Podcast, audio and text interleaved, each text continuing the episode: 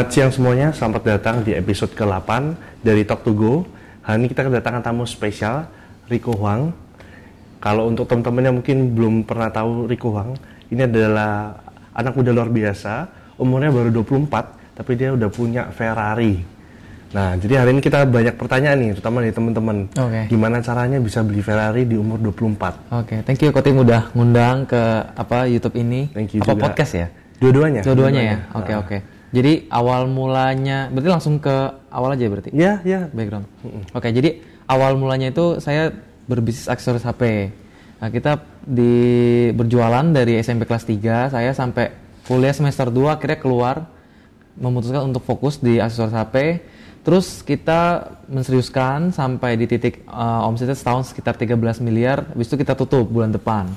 Karena di marketplace perang harga kita uh, bersaing dengan para supplier, kita tutup, kita uh, di tengah jalan dengan modal seadanya kita masuk ke digital printing. Nah digital printing itu kita mulai dengan modal sekitar satu setengah miliar dari bisnis aksesoris HP dan sebelumnya gitu. Dan kita jalanin selama kurang lebih uh, empat tahun. Dan selama empat tahun itu di bisnis digital printing akhirnya kita ketemu partner-partner jadi zaman dulu tuh gue suka ngajar ke teman-teman uh, reseller lah di di bisnis aksesoris HP terus suka gabung komunitas juga di beberapa marketplace. Akhirnya banyak yang uh, minta belajar. Akhirnya gue juga ngajar gue juga belajar sama mereka. Ya akhirnya ketemu beberapa partner bisnis gitu. Uh, mulai dari partner di marketing sampai partner di bidang-bidang lain. Akhirnya kita bangun di digital printing dengan kurang lebih sekitar dua partner gitu. Berjalan selama um, beberapa tahun akhirnya kita punya kurang lebih 200 karyawan dari berbagai jenis bisnis yang kita jalanin. Yang tadinya awalnya cuman uh, digital printing doang gitu. Tapi kalau di public di internet kita tuh uh, pakai judul yang agak clickbait. Jadi bilangnya dari bisnis casing HP bisa punya Ferrari tapi padahal nggak casing HP doang. Iya. sebenarnya bisnisnya ada banyak ada beberapa. Nah, singkat cerita uh, kenapa saya memutuskan untuk membeli mobil Ferrari? Karena saya aktif nge YouTube dan penonton di YouTube itu ternyata um, mereka melihat sosok si Rico ini di di internet ini sebagai sosok yang sebagai sosok anak muda tajir. Jadi kalau ketemu tuh bilangnya selalu mercy, bilangnya sera- selalu uh, suka berbagi dan sederhana. Ya udah karena branding tersebut lah kita berpikir kayaknya Mercy aja kurang deh.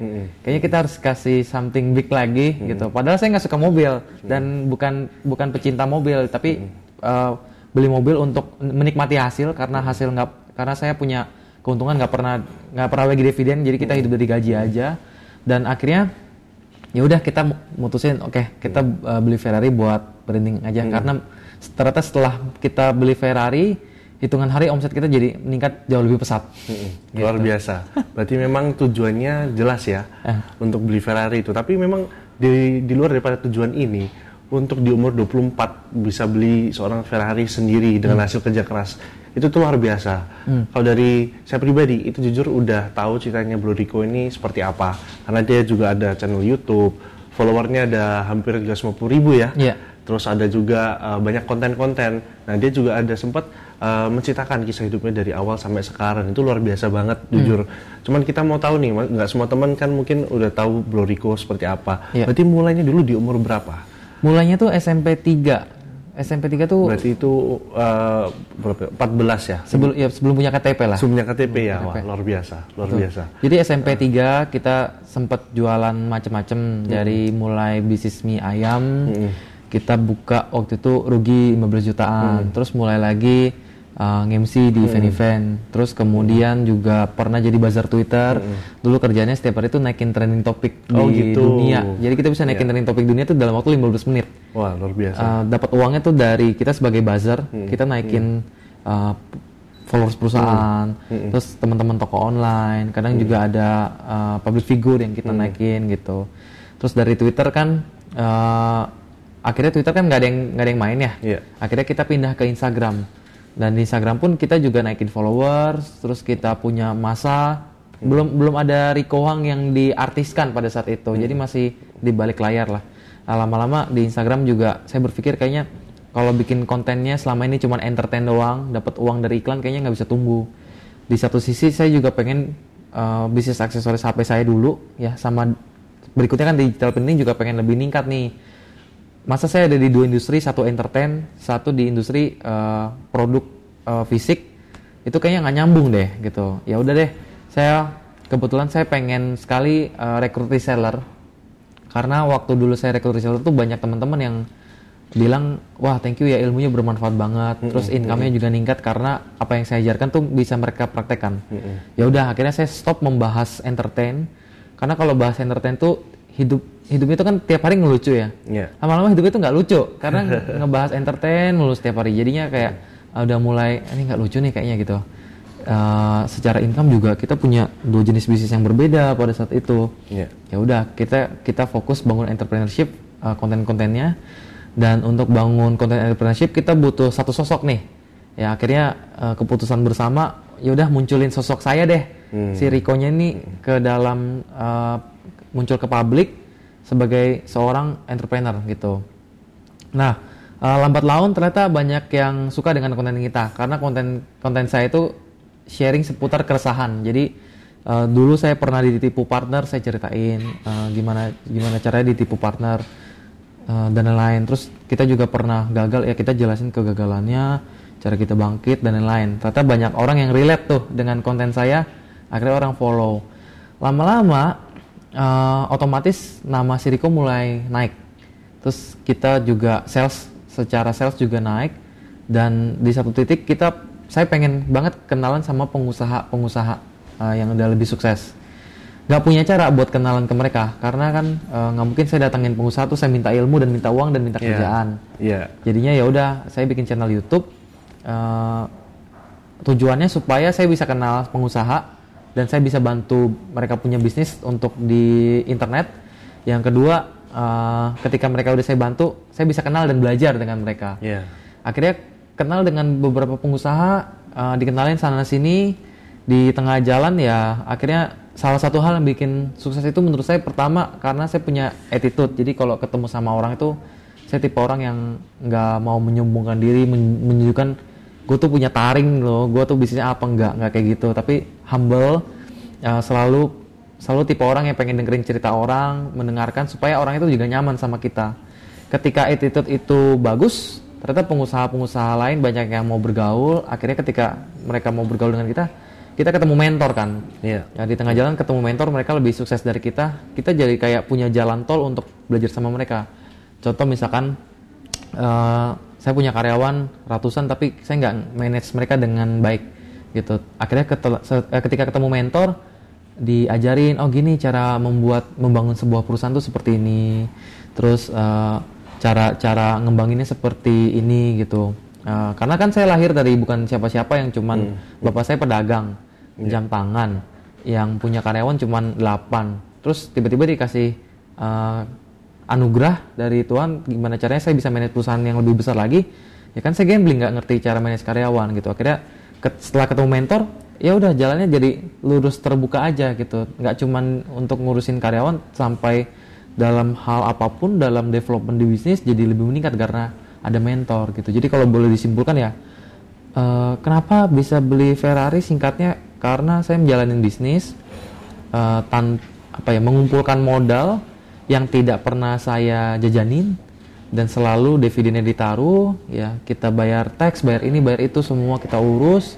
Sampai satu titik kita udah uh, ada cash flow lebih ya udah kita baru beli mobil intinya Wah, itu sih luar biasa. Iya. Sebenarnya kalau mau dicari tahu lebih jauh, hmm. hidupnya Bro Riko ini jauh lebih banyak cerita-ceritanya, hmm. berapa cerita kegagalannya, hmm. itu banyak.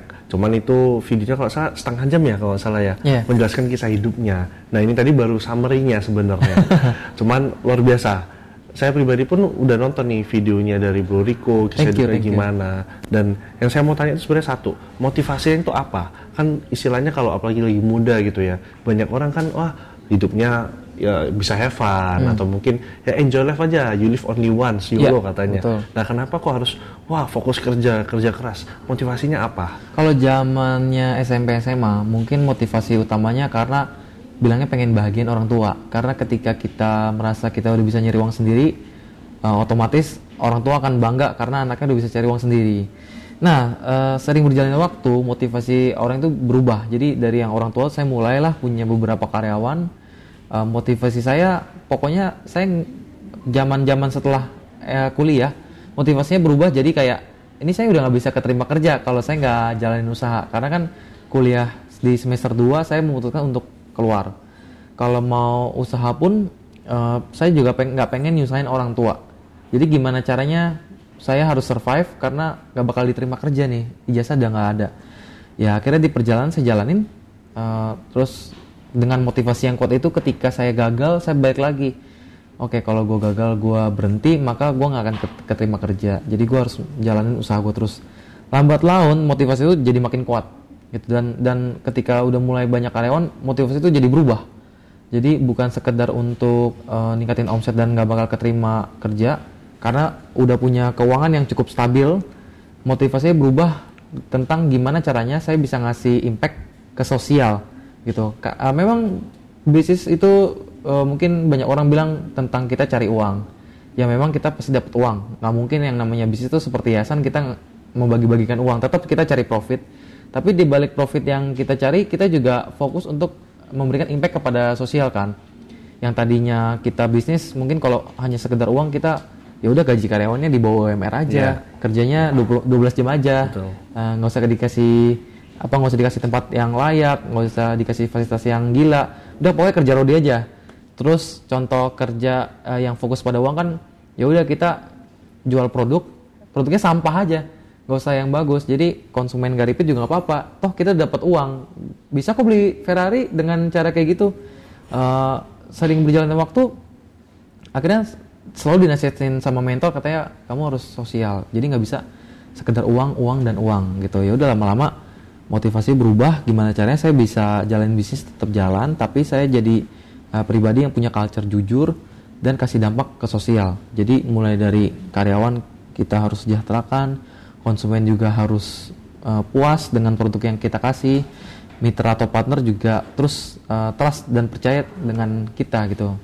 Uh, jadi ketika gagal itu ya mulailah berpikir kalau oke okay, ketika gagal kira-kira kalau bisnisnya tutup maka dampak sosialnya akan mati Nah, jadi itu yang bikin kuat dan akhirnya jadi terus mau bekerja sampai sekarang. Jadi pekerjaan tuh sekarang udah jadi satu hobi gitu. Yeah. Karena udah terlalu sering kerja, uh, ketika nggak kerja tuh nggak happy gitu. Ada orang bilang uh, bisnis itu atau bekerja itu enaknya ketika kita bisa jalanin passive income, besok kita nggak kerja 10 tahun.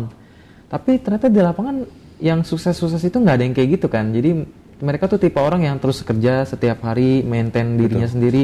Bahkan uh, salah satu teman saya uh, yang sudah umurnya udah lebih lanjut gitu, udah punya karyawan puluhan ribu, tetap saya tanya, Pak Bapak aktivitasnya ngapain sih? Oh saya masih ke kantor kok setiap hari. Kemarin saya wawancara si uh, Pak Johari dari JNE, masih ke kantor dari Senin sampai Jumat setiap hari. Umurnya padahal padahal sudah... udah dua kali lipat dari umur kita ya. Iya, iya. gitu. Tapi masih ke kantor dan dia enjoy, tetap menikmati liburan, tetap punya waktu untuk keluarga, tetap punya waktu untuk kerja hmm. gitu. Hmm.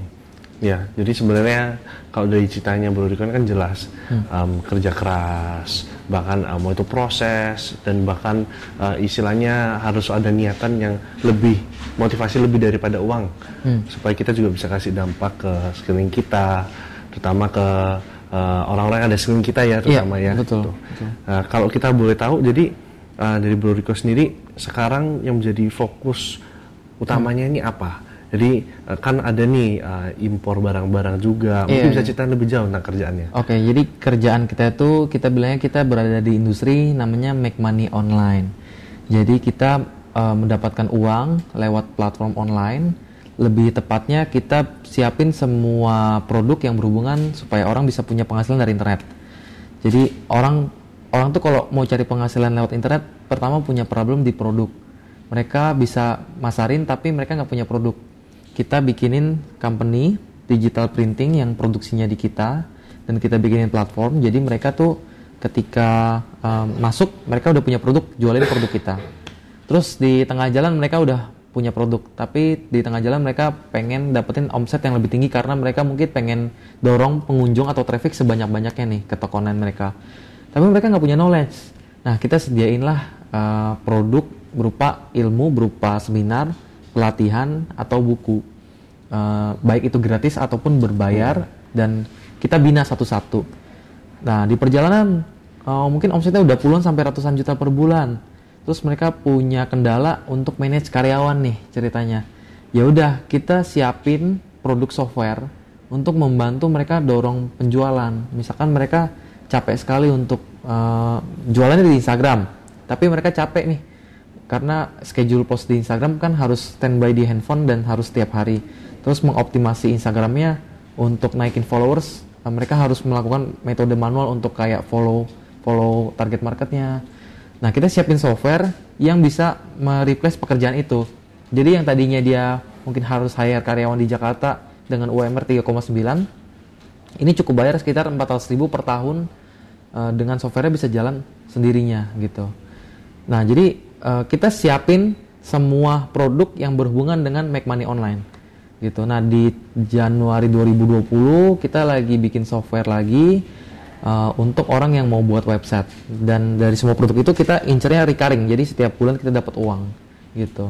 Nah, sosok Rico muncul di paling depan Iya. dan mengaku-ngaku sebagai orang tajir agar orang jadi reseller gitu. Iya.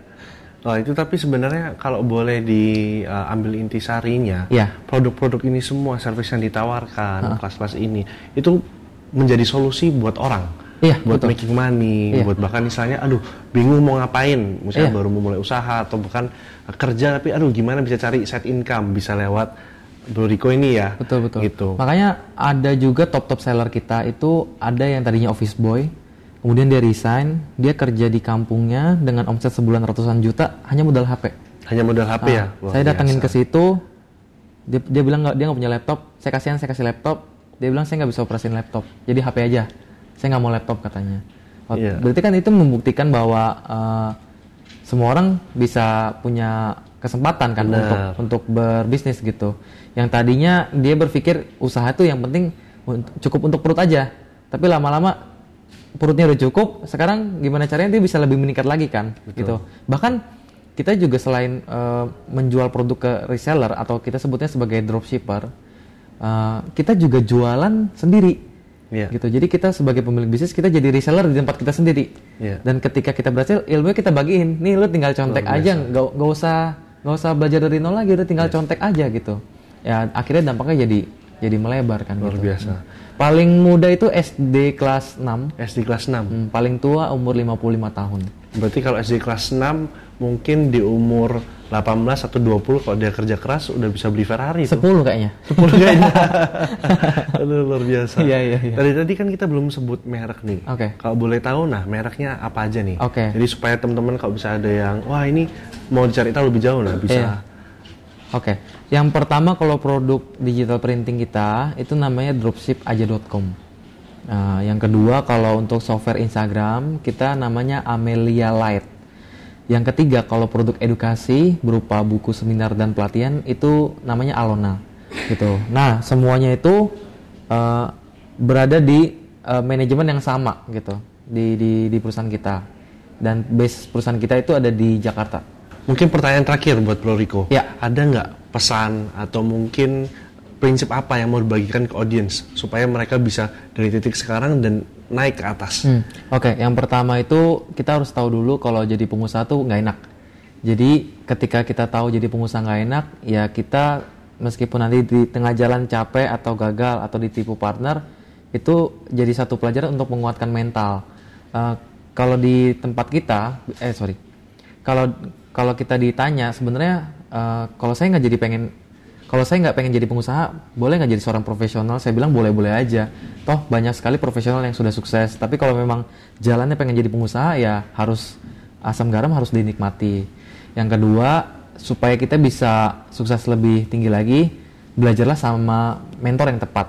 Jadi nggak bisa tuh kita jadi pengusaha yang sombong terus kita udah merasa diri kita paling hebat ketika kita humble dan belajar sama mentor yang lebih hebat kan percepatan kita bisa jauh lebih sukses. Yang tadinya mungkin kita sukses harus butuh waktu 20 tahun, tapi dengan adanya internet dan ketemu orang dengan mudah sekali, itu bisa jadi lima tahun lebih lebih cepat gitu. Jadi kita bisa happy happy lebih cepat nantinya gitu.